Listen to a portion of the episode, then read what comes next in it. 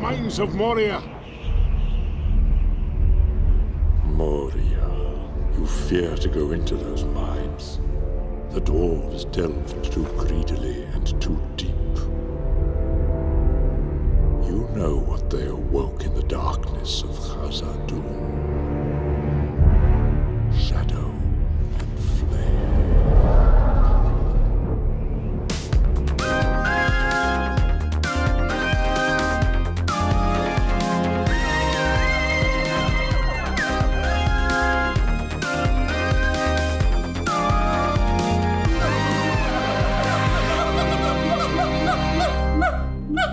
Hej och välkomna till ännu ett avsnitt av eh, podden Apans anatomi med mig Mattias Våg. Det här avsnittet idag tänker vi ägna åt eh, coronakapitalismen. Att försöka hitta kopplingen mellan coronavirusets utbrott och eh, kapitalismen. Finns det en sån koppling? Ett mycket uttjatat citat är från Fredrik Jameson där han säger att det är lättare idag att föreställa sig världens undergång än kapitalismens slut. Att kapitalismen har blivit så naturaliserad och så hegemonisk att vi inte ens kan tänka utanför den. Mark Fisher har vi använt många gånger i den här podden. Han pratar om det som en kapitalistisk realism. Kanske kan man vända på det här Jamesons, vrida lite på det där citatet och säga nu när vi står inför någon global katastrof, kanske är det först då som vi verkligen kan bryta igenom den här kapitalistiska realismen och tänka oss, men skulle det gå att göra på ett annat sätt? Att kapitalismen går att ifrågasätta. Att coronaviruset och den här globala pandemin öppnar för antikapitalismen igen att tänka att marknaden kommer inte lösa det här utan tvärtom, marknaden kanske är en stor del av problemet. Så med mig idag för att ta det samtalet som handlar om eh, kapitalism, pandemier, virusutbrott, djurindustri har jag med mig Per-Anders Svärd. Hej, välkommen! Hej, tack så mycket. Anledningen jag bjöd in just dig till det här, du är ju både marxist, du är statsvetare, är du Mm, det? mm. Och du har en bakgrund i djurrättsrörelsen, så du har ju också skrivit mycket om djurrätt. Och jag tänker alla de här tre frågorna löper någonstans ihop i, när vi ska diskutera coronaviruset. Det, gör de, det gör de verkligen. Eh, Jag ser det som att jag är här inte bara som en långvarig lyssnare av, eh, på den här podden, eh, utan också som lite av en konsult i de här djurfrågorna. Ja, jättebra. Vi kan ju säga det från början, ingen av oss är epidemiologer, så vi kommer inte sitta här och killgissa någonting, försöka hålla killgissandet så lågt som möjligt om hur man bäst bekämpar coronaviruset och vilka strategier man ska använda, utan det vi har läst in oss lite på och försökt titta då, det är just eh, kopplingen mellan kapitalismen, den globala marknaden och eh, pandemier. Vad är det för text vi har läst? Vi har närstuderat en text från en tidskrift som, ursäkta uttalet, heter någonting i stil med Chuang eh, och som heter The Social Contagion. Och som går igenom villkoren för pandemiers uppkomst och eh, särskilt då utifrån situationen i, i Kina och eh, i den provins där coronaviruset, det senaste utbrottet, startade. Den här texten som är anonym, den har ingen författare. Det är en fantastisk sajt som både har en tidning som har kommit med två nummer och så har de en blogg där man skriver mycket intressant om protesterna i Hongkong bland annat. Jag vet inte var de är ifrån som gör det här, men de har ju uppenbar väldigt god insyn i Kina. Mm. Jag satt och spekulerade för när vi pratade om, om det här inför, att det finns ju de här tyska grupperna som har ägnat sig åt militanta undersökningar som eh, i tyska fabriker och callcenter som bestämdes för att lära sig kinesiska. De har ju ägnat sig åt att skriva sådana här texter. Sen vet jag inte om det är de som är bakom den här sajten, men där finns en sån tradition av sån här bra på djupet gräv. Det, det andas av eh, exiltyskt eh, wallraffande, är det det du menar? Jag får sådana vibbar.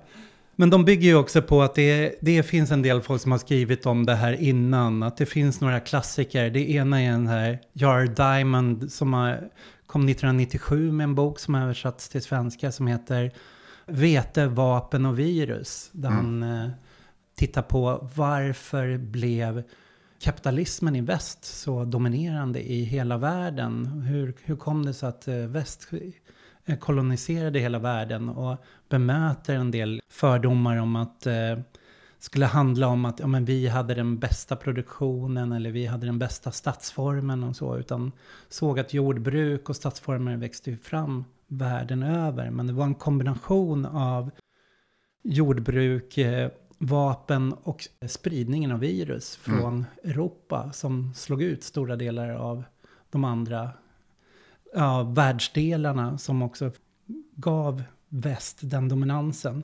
Så det är en klassiker man kan titta på.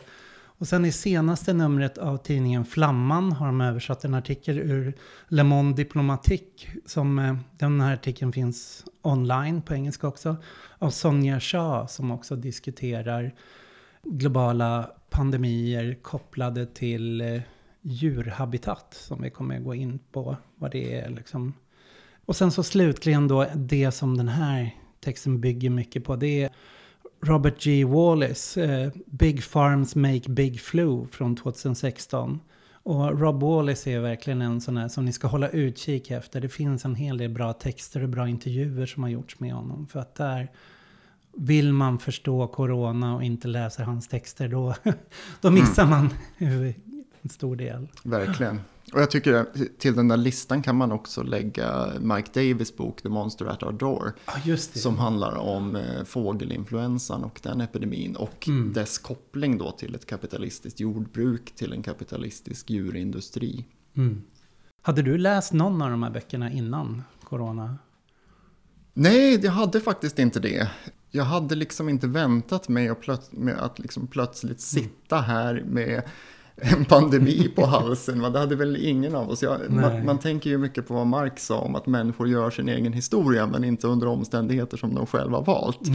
Och det har väl aldrig känts så aktuellt som nu att man bara kastas in i den här sortens eh, situation där allting eh, känns samtidigt väldigt instängt men där också nya möjligheter öppnar sig. Ja, verkligen. Ja, jag hade ju läst Mike Davis innan, men inte hans böcker om eh, pandemier och epidemier, utan jag läste hans andra, andra böcker. Och det, det är sån här, man, innan så tycker man att det här låter ju skittråkigt och varför ska jag läsa någonting sånt? Och sen efter den här pandemin har brutit ut och så man läser de här texterna så är det bara, men varför har jag aldrig tittat på det här? Det här är ju Mm. Ett så självklart spår som, som eh, ja, öppnar ögonen för en på ett sätt. Verkligen. Och särskilt i, i samband med det vi har börjat prata om de senaste åren om ekosocialism och ekomarxism och förhållandet mellan produktionssättet och naturen, människans metabolism med den naturliga världen utanför. Vi har ju uppmärksammat saker som miljöförstöringen, eh, klimatfrågan och, och försökt ta den på allvar. Men hela den här mikrobiologiska dimensionen har liksom flugit under radarn för den mesta socialistiska analysen. Vi gjorde en podd här förut av ett avsnitt av Apans anatomi som handlar om den globala klassen som byggde på Nick Dye Widfords bok om hur de här globala produktionskedjorna ser ut. Och då gick vi in en del på just det här vad som sker i Kina, hur, hur förändras jordbruket, hur förändras kapitalismen, hur sker urbaniseringen och hur, vilka effekter det går. Men däremot pandemier flög oss helt över huvudet. Samtidigt som det nu blir helt uppenbart att den här eh, virus och bakteriedimensionen är, är central eh, och, och liksom redan integrerad i kapitalismen som, som produktionssätt. Som en risk och eh, också som en källa till, till vinst. Och då kan vi säga att eh, det här viruset nu, alltså coronaviruset, det är ju inte, så corona är ju en hel, vad ska man säga, familj, eller det finns ju mängder av coronainfluenser som, som vi har upplevt. Och, eh, SARS är ju bland annat besläktat med den här. Det här viruset kallas ju också, om SARS är viruset SARS-CoV så är det här SARS-CoV-2 kallas det.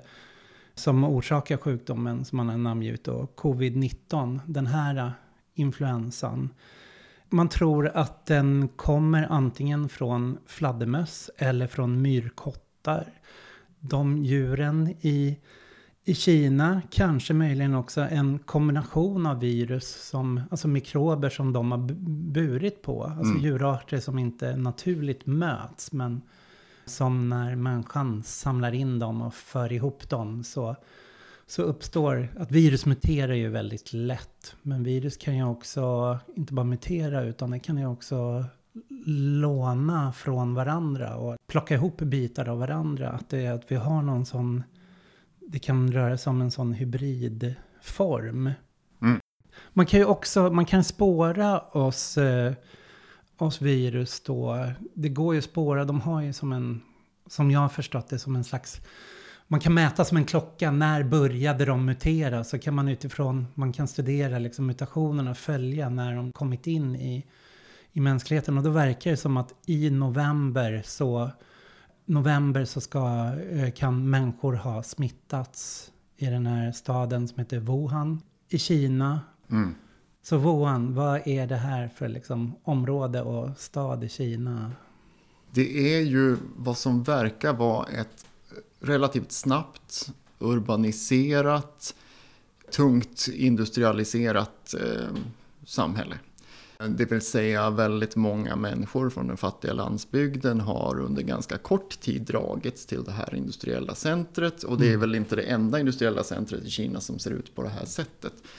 Så att det är ett relativt nytt industrisamhälle och som har hört till vad man i den här artikeln kallar för Kinas centrala ugnar. Alltså en central del i vad som har möjliggjort den kinesiska tillväxten, den, ja, stärkandet av den kinesiska industrin under de senaste årtiondena bara. Mm. Så det är snabbt urbaniserat, snabbt industrialiserat och det har också varit en enorm massa markspekulation där man har byggt områden stora som motsvarande Hongkongs öar i mm i den här staden med stora glasbyggnader och nya konstruktioner. Så att det har ju å ena sidan, det får ju sin effekt för markpriserna och det har också skapat liksom som, vad ska man säga, slumområden eller områden där eh, många arbetare och många proletärer har bott men kanske med väldigt låg levnadsstandard. Mm.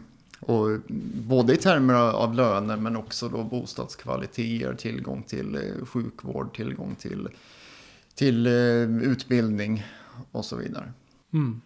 Och hur kommer då det här viruset från de här djuren in i den mänskliga populationen? Det är det som är det intressanta i hans text lite. Hur sker de här hoppen?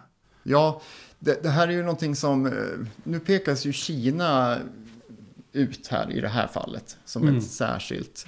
Och det följer ju ett mönster av, av eh, orientalism och, och rasism. Att man liksom de andra, de där borta, de är lite mer primitiva. De tuggar fladdermöss och har för sig alla, alla möjliga konstiga saker. Ja, Trump har ju kört mycket på det. Kung flu och eh, det här Kina-viruset. Just det. Just det. Visst. Och det är ju ett mönster som vi känner igen från mycket mm. längre tillbaka, inte minst när det gäller spridningen av SIV, som mm. ju i, i, i äh, mänsklig form är ju HIV-viruset. Ja. Att det på något sätt då skulle vara att primitiva afrikaner ja. åt apor och sen skulle viruset hade sex med apor. Hade sex med apor, precis. Och sen spreds det vidare då, inte genom vilka som helst utan genom de perversa homosexuella ja. då, som stämplas som avvikande. Liksom, det är aldrig på något sätt vårat fel att mm. den här sjukdomen sprids. Det är inte samhällsstrukturens fel att det sprids. Det är ständig jakt på syndabockar. Ja. Men Kina är ju inte unikt i det här fallet, utan många av de här virusen som har blivit till eh, epidemier har ju, de har ju uppstått över hela världen. Vi har ebola i Västafrika. Mm. Vi har spanska sjukan för hundra år sedan som hade sitt ursprung i Kansas i USA. Mm. Flera andra sådana här utbrott har ju också, det har det visat sig, även om man har försökt mörka det då, haft sitt ursprung i kapitalismens och industrialismens kärnländer. Mm. Så eh, det här Kina-fallet är ju, är ju ett fall av, av, en, eh, Ja. av en längre trend. Å ena sidan så skulle man kunna placera det här redan vid när jordbruket började ske och man började domesticera djur. Mm. Att eh, börja med en djurhållning, att eh, det, det drog ju på oss en massa sjukdomar som kom från djuren när vi började leva så nära djuren. Att eh, de här sjukdomarna hoppade, de muterade och hoppade från, från djuren till människor. Visst. Och det skapade epidemier men det skapade också eh, över tid immunitet som gjorde att eh, Europa hade till exempel en eh, större immunitet inom att man hade liksom kanske en bredare uppsättning djur än vad man kanske hade i Kina eller i Amerika Mm. de länder som kom att kallas Amerika. Så när kolonisatörerna reste runt och, runt och spred sig så, så tog de också med de här sjukdomarna som de själva var immuna mot. De tog med sina djur men startade stora pandemier var de än drog fram. Så det var inte bara deras vapen som hjälpte till att besegra utan det var även med virus som Mm. de slog ut. De här. Så kolonialismens eh, historia löper hand i hand liksom med pandemiernas. Verkligen. Och det är fruktansvärda resultat för den amerikanska urbefolkningen. Och eh, även nu framöver med, med en risk för fruktansvärda konsekvenser för de fattigare delarna av världen som har mindre motståndskraft. Mm. Men det här är ju också någonting som det här med att, att virus muterar, hoppar mellan arter, det har ju alltid hänt. Mm. Men det är ju någonting som förvärras med, med kapitalismens Mm. intrång. Någonting som förvärras i takt med att kapitalismen som ett generaliserat produktionssätt för hela planeten tränger in i ständigt nya områden och försöker göra naturresurser till varor, försöker extrahera mervärde från, Mm. från nya områden. va. Det är, ju, det är ju där vi får ett, ett kapitalistiskt jordbruk. Mm. Och då påbörjar man ju också en långtgående industrialisering. Det vill Mm. säga man tränger samman eh, tusentals, tiotusentals, hundratusentals djur i stora hangarer under fruktansvärda förhållanden. Och som blir en sorts eh, evolutionär tryckkokare Ja. för, för virus. Va? Det är ju som att vi har byggt lekplatser för, för virus som vi hela tiden liksom matar med genom att stoppa in nya djur som, som eh, virusen kan frodas i. Och det här är ju också enorma monokulturer. Mm. Det finns liksom ingen ekologisk balans. Det är en art som ska in i en jättelik lada där virusen kan frodas fritt. Och inte sällan då som i, jag tror var fallet här i Kina, att de här industriella djuruppfödningarna hamnar angränsande till slumområden där människor är trångbodda, där hygienen är svag och så vidare. Mm. Eh, så att det är precis som att vi har byggt gigantiska maskiner för att producera virus. Mm. Och det intressanta är att de där gigantiska maskinerna för att producera virus, de följer vissa noder i kapitalismen. Att när kapitalismen växte fram i England på eh, slutet av 1700 början av 1800-talet, att England genomgick ju tre pandemier som byggde på att man skapade den här massdjurhållningen av eh, boskap. Så att det Mm. blev boskapspester som sen spreds liksom till Afrika med fruktansvärda resultat i, i slutet av 1800-talet. Så de, då var det Europa som var epicentrum både för kapitalismen och för pandemierna. Sen flyttade det här liksom lite till USA också som, som den noden var av handel och allt. Produktionen gick, utgick ifrån att pandemierna kom att spridas därifrån. Mm. Och nu har vi fått både sars och det här nya då coronaviruset eh, från Kina. Och det säger någonting om vilken så här central nod Kina är nu inom dagens kapitalism. Visst. Och det är inte bara det här med, med djurfabrikerna som är ett problem heller, utan det är det kapitalistiska jordbruket, det industrialiserade fisket har ju mm. över hela världen slagit ut traditionellt jordbruk, traditionellt fiske. Man har skövlat skogar för betesmarker för att odla foder åt djur som, vars kött ska exporteras till väst. Mm. Och då har man ju inte bara fått lokala ekosystem att, att bryta samman utan man har ju berövat människor en, en försörjning. Många av de människorna har ju fått vända sig till andra födkrokar som till exempel jakt på bushmeat och sådana här saker. Mm. Så att man har, eh, man har liksom trängt ut människor längre ut i periferin, längre ut i skogarna där de kommer i kontakt med virus som de aldrig skulle ha kommit i kontakt med mm. annars. Vi har också, när, när, vi saboterar de här naturliga boplatserna som djur har haft, deras revir och territorier och habitat, så har ju även de förskjutits till periferin och mm. kommit i kontakt med mikroorganismer som de aldrig skulle ha kommit i kontakt med mm. annars. Och människor måste ge sig ut där för att klara livhanken och ta med mm. sig de här virusen tillbaka. Så här har vi ju kapitalistiska värde och varukedjor som verkligen sträcker sig ända från klimatgaserna i himlen till liksom virusen i, i våra kroppar. Ja. Och det är ju då som du sa inte bara en industrialisering av jordbruket utan det är ju även en, vad man ska säga, en marknadsförhållning till att plocka in alla de eh, resurser som finns ute i regnskogen. Att man börjar se mer och mer att men här, här kan vi göra proteinintag genom att infånga de här djuren. Mm. Men det sker ju också en spridning åt andra hållet när vi skapar de här eh, jordbruket, monokulturerna.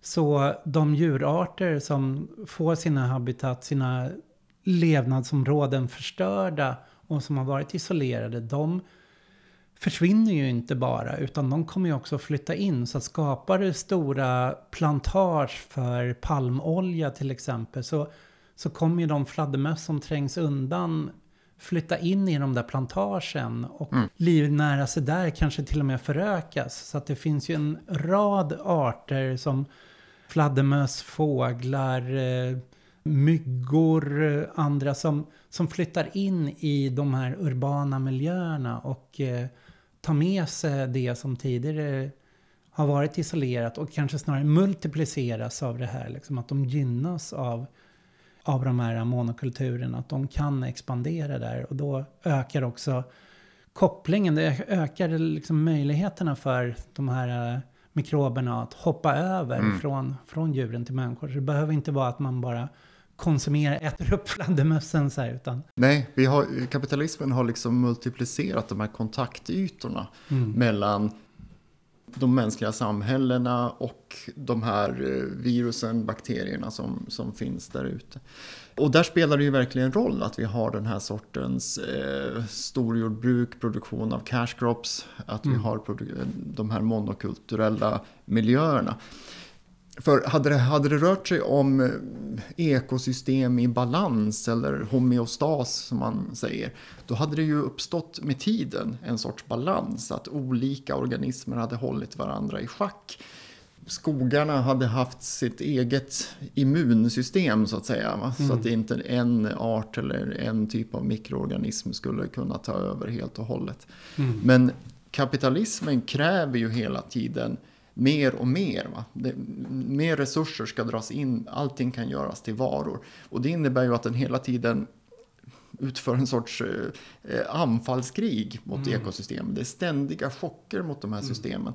Som ju gör att vårt yttre immunsystem, som de här eh, skogarna egentligen utgör, mm. att det saboteras. Va?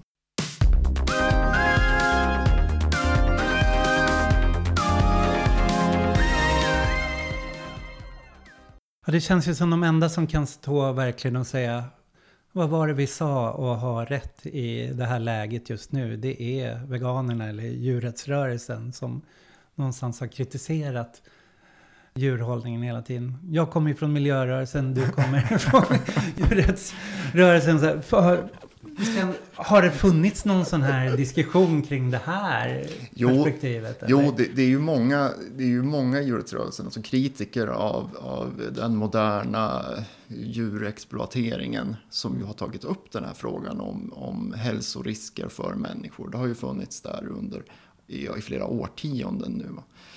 Men det är ju, ja, det är ju samtidigt ingenting man kan säga med någon känsla av triumf att äntligen blev det som man Nej. förutspådde här. Va? Utan det är ju förstås en, en tragedi för alla som drabbas och Ja. eh, ja, alla som kommer att drabbas framöver av de här sekundära ko- konsekvenserna av, av krisen och sjukdomen.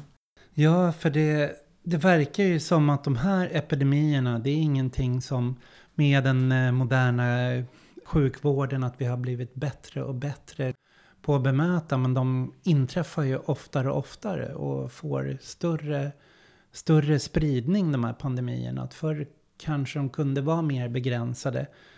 Även om man ser liksom ända från pestens tid så Mm. har det ju varit så här pandemier har ju skett globalt. De har inte stannat i en region, ett land. Men som i Kina till exempel så har ju, jag tror det var Mike Davis som tar upp det, att eh, sen sars eh, som var 2003 i Kina, då man stängde ner hela Kina, så har ju rörligheten i Kina ökat något enormt. Både i form av migration, att folk som Mm. drivits bort från jordbruk, in i städerna, urbaniseringen har skjutit, men även så här vardagsflygandet. Och, till exempel kinesiska nyåret firades ju i slutet av januari och det var ju då myndigheterna gick ut och bara stängde ner för att de förstod att det här kommer få enorm spridning om man inte Ja. slår till snabbt och hårt just där. För flygandet har väl ökat med vad det var i Kina med, ja jag tror det var någon så här 7 eller 800 procent sen, eh,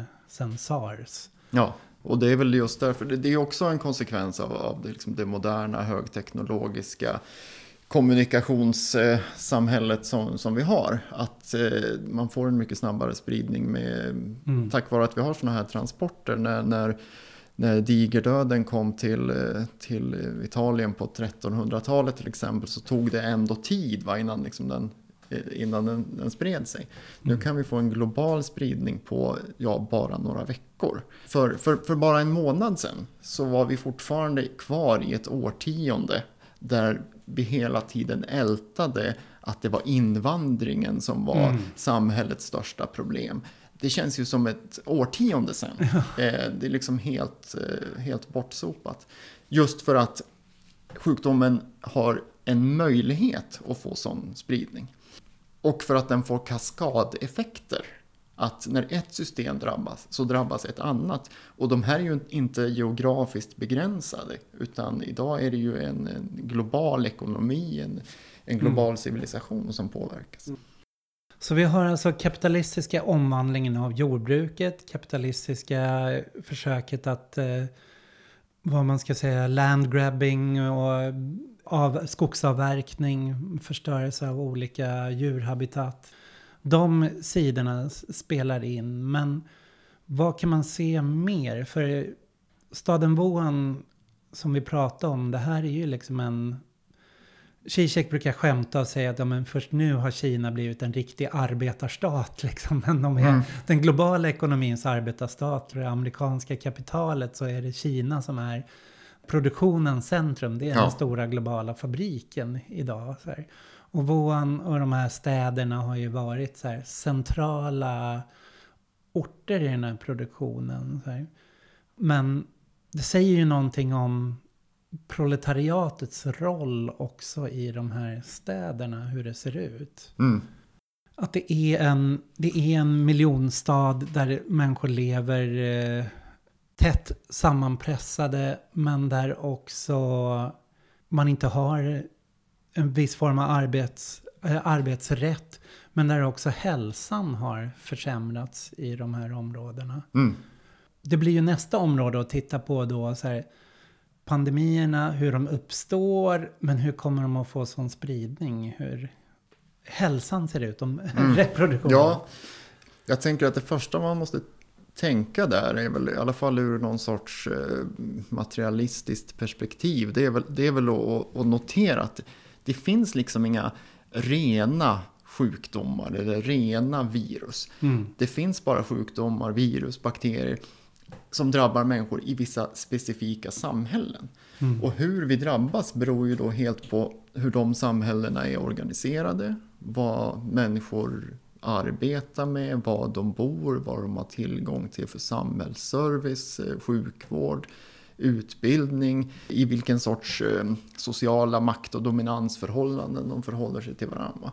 Det är liksom hela den totaliteten som man måste ta in och sen måste man se viruset som ett moment Mm. i det där. Om man ska få hela bilden. Och det är förstås vansinnigt komplicerat. Men någonting som blir väldigt tydligt är ju att när, när, vi, när vi ser Stefan Löfven på, på tv och, och som säger att nu måste vi ta ansvar, nu måste vi liksom, visa pliktkänsla och hjälpa varandra och sådär. Det är förstås bra, det ska vi naturligtvis göra. Men det är någonting med den här grejen att vi sitter i samma båt. Va? För Mm. det gör vi ju faktiskt inte. Utan Nej. vi sitter inte i en båt, vi sitter i ett klassamhälle.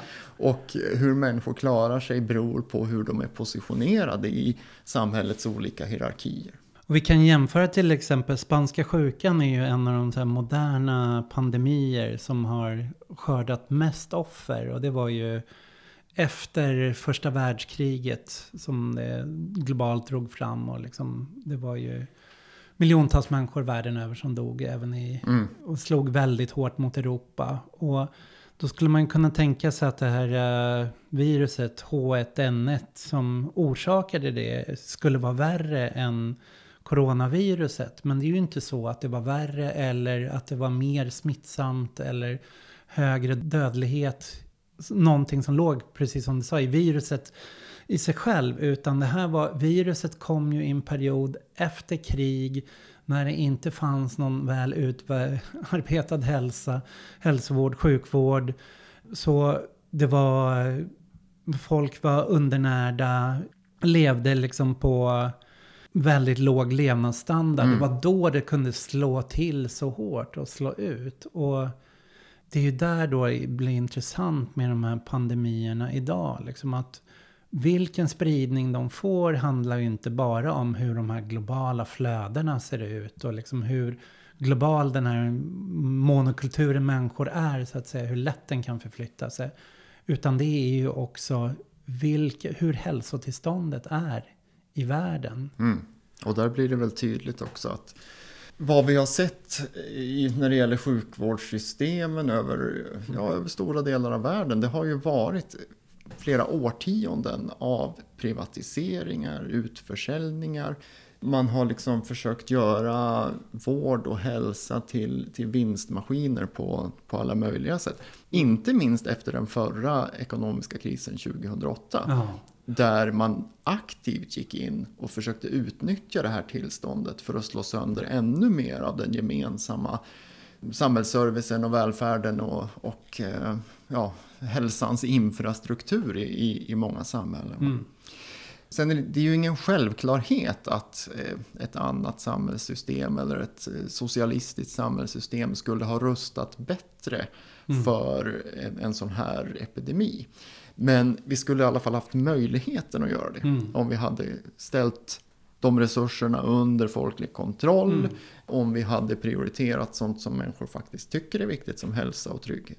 Det har ju förekommit, eh, många har sett de här bilderna som har cirkulerat om eh, hur många intensivvårdplatser vi hade i början av 90-talet. Mm. Både inom sjukvården och inom försvarsmakten. Så att säga, mot, mot idag. Man kan ju se att nyliberalismen har eh, inneburit en eh, nedmontering av, av välfärden i hela västvärlden. Men även i, i Kina så har ju den här, eh, när man öppnade upp för marknaden och blev den här globala fabriken så förändrades ju den formen av socialistisk sjukvård de hade. Så att eh, sjukvården har ju försämrats sen, sen 90-talet i Kina. Och eh, antingen kommer inte att knytas upp till var du jobbar någonstans, vilken sjukvård som är knuten till arbetsplatsen. Eller just i de här stora urbaniserade regionerna så har ju folkhälsan betydligt, blivit betydligt sämre. Och Kina hade ju en framstående sjukvård en gång i tiden. Det var ju någonting man satsade väldigt mycket på. Men idag så, ja, Kina är ju världens centrum för auktoritär kapitalism. Det finns ju väldigt få verkligt socialistiska inslag kvar där. Så mm. även, det har ju, även där har ju den här nyliberala vågen eh, sköljt in. Och den andra sidan på det här också, om man ser folkhälsan har liksom försämrats och även globalt kan man se alltså USA, svårigheterna för dem att tackla det här med coronaepidemin. Vad kan de göra förutom liksom att stänga gränserna? Mm. De, eh, folk har inte råd med sjukvård och folk har inte råd att sjukskriva sig. Eller, mm, det finns inte de sociala skyddsnäten så att säga. Så folk går och jobbar ändå. Så att utan, utan en fungerande socialförsäkring, social skyddsnät eller, eller välfärd så, så kommer det också det slå hårdare, sådana här pandemier. Att det, det får större konsekvenser. Mm. Samtidigt som vi får det här paradoxala resultatet att Donald Trump av alla personer liksom håller på att socialisera hela den amerikanska ekonomin utan att kalla det för socialism då förstås. Ja. Och samtidigt som vi har, fortfarande har kvar den här, den här ideologiska hegemonin. Att, mm. att vi har en amerikansk presidentkandidat som står för Medicare for all och så vidare. Men som, är, som i, i nuläget ser chanslös ut. Det är ju ytterst, ytterst märkligt. Ja, det är ju lite samma dilemma här i Sverige för Vänsterpartiet och Jonas Sjöstedt. Att det är en stor majoritet av befolkningen har tyckt att sjukvården är en av de viktigaste frågorna. Och mm. de åsikter de har haft har motsvarat Vänsterpartiet mest av, som parti. Men det är inte det partiet man går och röstar på. Nej, det är ju inte det. Och det här med vinster i välfärden har vi mm. ju en förkrossande majoritet emot. Mm. Men det får inte det politiska genomslaget. Mm. Samtidigt kan man ju i det här läget tycka att alltså det finns mycket att säga om det här januariavtalet mellan sossarna, Centern, Liberalerna och Miljöpartiet och att eh, nyliberalismen fick ett väldigt starkt fäste i det. Men eh, samtidigt får jag ju säga att jag är ju lite nöjd med att Mm. Det blev eh, Stefan Löfven som rattar regeringen nu och inte Kristersson med, med stöd av Åkesson till exempel. Mm. Så vi, det vi ser nu är land efter land, att man har lockdown, man stänger ner, man stänger ner delar av produktionen, man eh, isolerar befolkningen, eh, man ska köra eh, social distansering, hålla sig i sina lägenheter. Det innebär en massa konsekvenser för ekonomin. Vissa sektorer går bättre, andra sektorer går mycket sämre. Mm. Och det befaras eh, massarbetslöshet i, i USA, i Sverige, i en, i en rad länder som följd av det här. Naomi Klein har ju skrivit i den här boken Chockdoktrinen där hon eh, visar hur kapitalismen använder sig av kriser att vid kristillfällen så föreslår man i praktiken har chockdoktrinen inneburit att man har slagit sönder välfärdssystemen genom att föreslå som lösning på krisen nyliberala åtgärder. Så privatiseringar, använda att saker ska ut på marknaden, eh, slimma sjukvården, eh, minska den på det sättet. Så vad kan vi tänka oss för former av katastrofkapitalism i det här fallet? Jag tror att man kan vänta sig att det redan finns planer på gång från den härskande klassens sida. Va? Att man tänker att man kan, man kan eh, att man ser framför sig ytterligare ett årtionde av nedskärningar, av privatiseringar och man kommer ju att göra allting man kan för att uppnå det. Inte minst syns det ju i de här enorma bailout-operationerna som ju redan har genomförts. Mm. Med ett par, eh, alltså biljoner dollar har gått till den amerikanska fossilindustrin till exempel. Mm. I, I, Sverige har vi hundratals miljarder som ska pumpas in i, i bankerna med tanken att de ska ge billiga lån till företag som, som tvingas stänga. Mm. Och de här kraven kommer ju att komma slag i slag nu förmodligen under hela den här perioden. Men det är verkligen en paradoxal tid då. Att å ena sidan har vi liksom en viss socialisering av produktionen inom vissa områden. Eller krav Mm, på det. mm. Som, som framförs till och med av eh, högern. alltså Ulf Kristersson går ut och säger vi behöver bättre krislager. Och vi behöver att man behöver frångå den här just in time-principen. Så här, nej, men vi behöver inte ha någon lagerhållning. Så fort vi behöver masker eller eh, desinfektionsmedel Mm. eller någonting sånt. Då kan vi beställa det från Kina och så plötsligt är, Kina infekterat, gränsen stängd och liksom, då står man där utan någon möjlighet att plocka in någonting. Så att även, även högern verkar förstå där. Och samtidigt så kriser har använts för att inte liksom undergräva nyliberalismen utan snarare stärka den. Joel Mm. Sa eh, en, eh, att eh, i, i varje kris blir alla socialister. Men Ja. Naomi Klein hon svarar då liksom på ett sätt med att men, varje kris, det intressanta är vad som kommer efter det. Vilka tjänar pengar på krisen? Vilka hittar sätt att, att liksom expandera och ta och man ser ju, det går ju extremt bra i till exempel USA för Amazon och Walmart nu. Att Mm. de expanderar, de stärker sina... Att där, eh, där samlas kapital just nu. Mm. Och det också kommer att eh, omvandla produktionen på olika sätt. Ja, jag tror att Amazon gick ut med att man skulle anställa 100 000 personer till Ja. exempel. Det händer ju liksom inte vilken, inte vilken vecka som helst. Va? Samtidigt är väl frågan om, om eh, det finns en möjlighet då att, att absorbera kapital på samma sätt som man gjorde under den förra krisen. Då var ju Kina i centrum eh, redan då. Mm. Att väldigt mycket av överskottskapitalet av världen som inte kunde finna någon avkastning fann det just i Kina. Genom enorma investeringar i, i infrastruktur och så vidare. Mm. Men det är väl frågan om man kan liksom upprepa den sortens trick ännu en gång.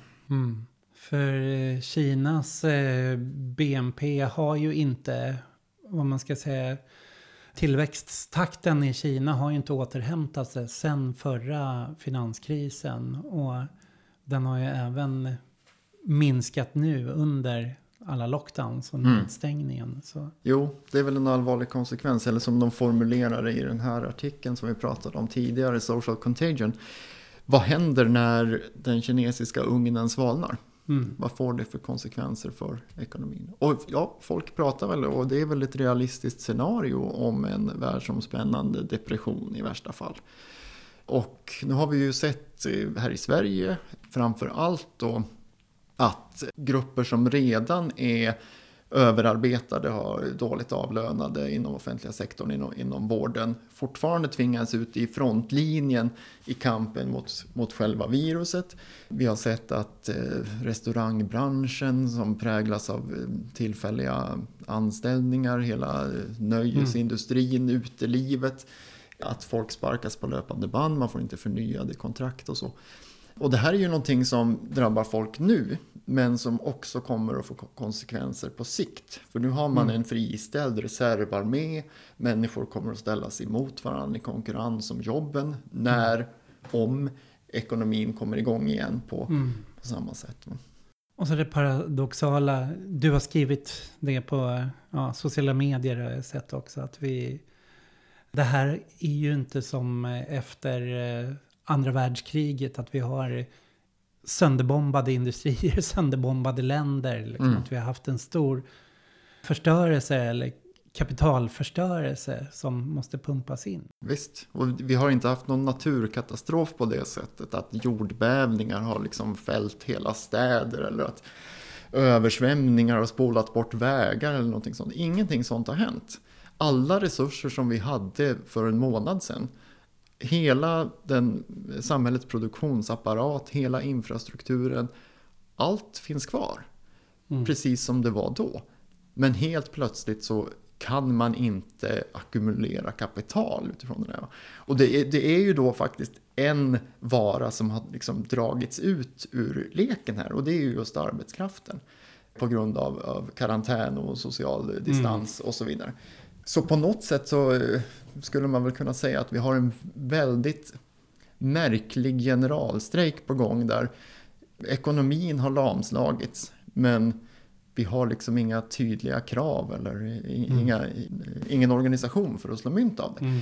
Eh, samtidigt är det uppenbart att motståndarsidan kommer att försöka slå mynt av det så mycket man kan. Mm. Och därför behövs väl också organisering och väldigt hårda krav. Alltså Mm. en, en chockdoktrin från, från vänster, en progressiv chockdoktrin för att rulla tillbaka det som, som kapitalet har krävt. Mm. Och kanske med lite tur så innebär den här krisen en höjd medvetenhet bland folk Mm. om hur produktionssättet hänger ihop med epidemin och hur den förda politiken under de senaste årtiondena har skapat den här skörheten hos samhällena som vi ja, lider av nu.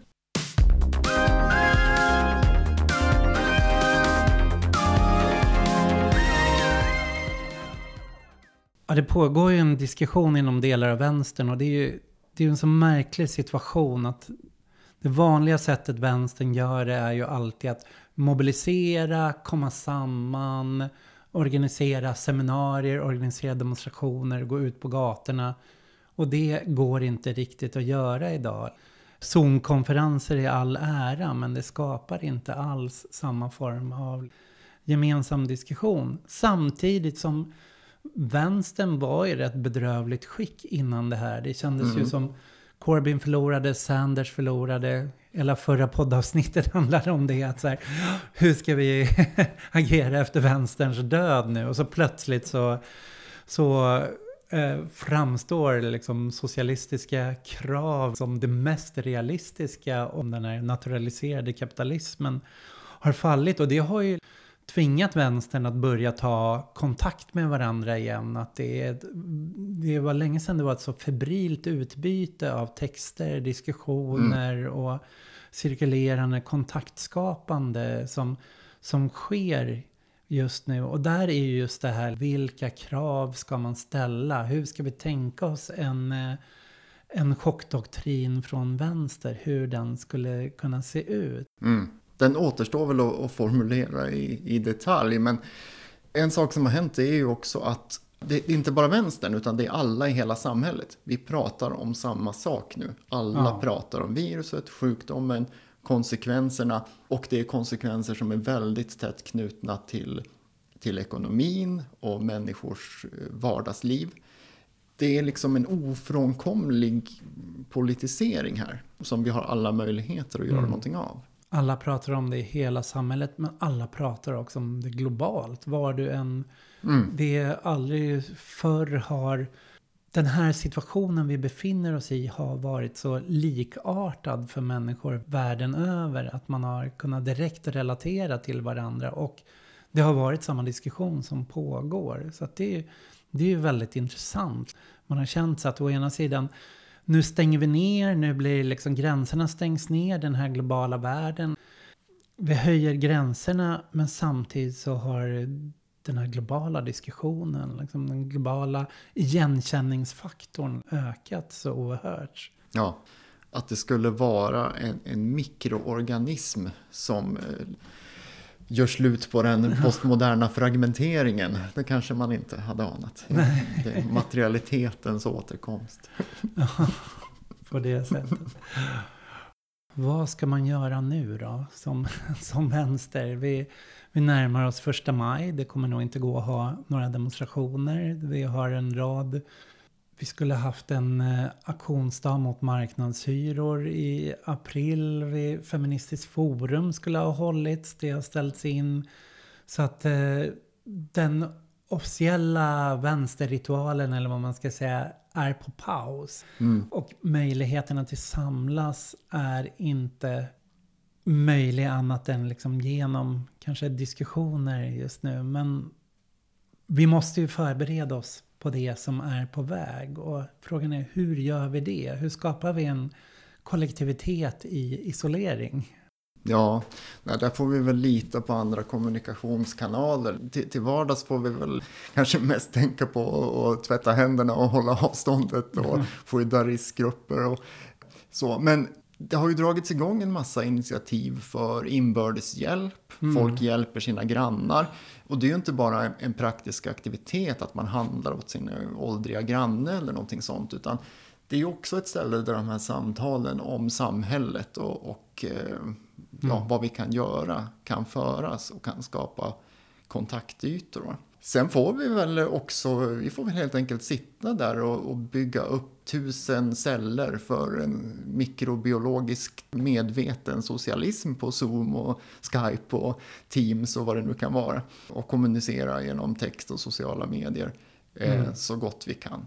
Sen kan man ju se att det här är ju en form av eh, nyliberal och postpolitisk krishantering. Att redan i den här broschyren om kriget och krisen kommer så, så förklarar ju staten så här att i en händelse av en kris så kan inte vi hjälpa alla utan måste sätta in resurserna för att hjälpa riskgrupper. Och ni andra får klara er själva det bästa ni kan under den här tiden. Mm. Så dels förläggs liksom ansvaret eh, individuellt. Du ska ansvara för att hantera din kris. Om du drabbas så kan det vara ditt problem. Men ehm, att du, är du sjuk? Ska du stanna hemma? Om du inte är allvarligt sjuk utan du är liksom en normalt frisk människa så får du ta din coronasjukdom hemma för dig själv. Och så ansvaret förläggs på individen men samtidigt så finns ju den här öppningen för social organisering där att de här ömsesidig hjälp, inbördes hjälpgrupperna är en form. Och det har funnits hela den här vi har haft några avsnitt här så har vi pratat om social prepping just. Att Mm. I alla katastrofer så uppstår katastrofgemenskaper. Att människor har ett behov av att samlas och komma samman. Och det jobbiga med en pandemi att det är liksom, vi måste gå emot våra instinkter där. Att våra instinkter är att, att mötas, att hjälpas. Och så försöker man på ett sätt var alla de här vardagsmötena viktigare med grannarna som ringer på dörren eller de man möter på vägen till när man går ut och handlar eller Ja. hålla kontakten, liksom ringa, ringa sina föräldrar blir, blir så mycket viktigare att jag tror folk kanske på sätt och vis i isoleringen ändå har tätare kontakter än de, än de hade till vardags på Ja, många sätt. ja men verkligen. Det är väl precis det en kris är. Att samhällets vanliga reproduktionssätt, de vanliga processerna, normerna, mönstren som alla följer, de funkar inte längre. Mm. Och då, det, det faller samman. Vi återskapar inte samhället idag på samma sätt som vi gjorde förra månaden. Va? Nej. Så att eh, det är nya regler som gäller. Ja. Och det, är, det innebär ju också faktiskt nya möjligheter. Och någonting som jag tänker att det är jätteviktigt att ha med sig nu. Det är väl i alla fall den här, den här känslan av, eller den här insikten i hur skör kapitalismen egentligen är. Mm. Efter en vecka eller två så är, så är storkapitalet förtvivlat för att Ja. ingen pumpar in pengar i, i dem längre. Inte, inte, ingen pumpar in pengar i finansspekulationen längre. Va? Även den mest hårdnackade nyliberal har ju som försvarstal nu. Men det är det här läget vi ska ha en stat. Det är nu staten behövs och ska gå in. Annars Ja. ska marknaden sköta sig själv. Men nu när den har problem, då måste staten gå in Visst. med åtgärder. Så. Ja. Men det här visar ju också vilken styrka som det arbetande folkets organisering skulle kunna ha. Nu är det här påtvingat, ofrivilligt, plötsligt uppdykande. Men eh, i bästa fall kanske vi kan se det här som en sorts generalrepetition inför mer riktat organiserat motstånd fram, framöver. Ja. Och framförallt den här... Äh, det är som den här slöjan har fallit. Jag, jag tänker på det så mycket när jag... Jag försöker cykla och inte åka tunnelbana. Men när man kliver in i tunnelbanan och ser folk sitta utspridda. Och så tittar man på all reklam som är runt omkring en för det som ska säljas. Mm. Så här, resor och events och stora konserter och köp det här. Och det bara känns som det där är från en annan tid, det är från en annan Mm. värld. Det där är inte på tapeten, det är inte aktuellt längre. Nej, visst. Men sen finns väl hela den här tanken om så här, det som sitter så djupt i människor också. Att eh, visst, folk kan göra revolutioner under eh, hårda perioder så att säga. Men folk har ju en väldigt vilja att återgå till vardagen, återgå till det som har varit, återgå till normaliteten. Och det är frågan om, om det finns en, eh, om vi kan återgå till det vanliga igen. Mm. Att det här är bara en period av undantagstillstånd och sen går vi tillbaks och fortsätter planera våra semestrar och åker på skidsemestrar och gör som livet har varit förut. Mm. Tänk om det inte är det, att bara få folk att tänka den tanken. Tänk om det normala inte återvänder. Att det här är det nya normala. Eller det kommer bli något helt annat nytt normalt. Och vi måste, vi måste omorganisera samhället för det. Ja, visst.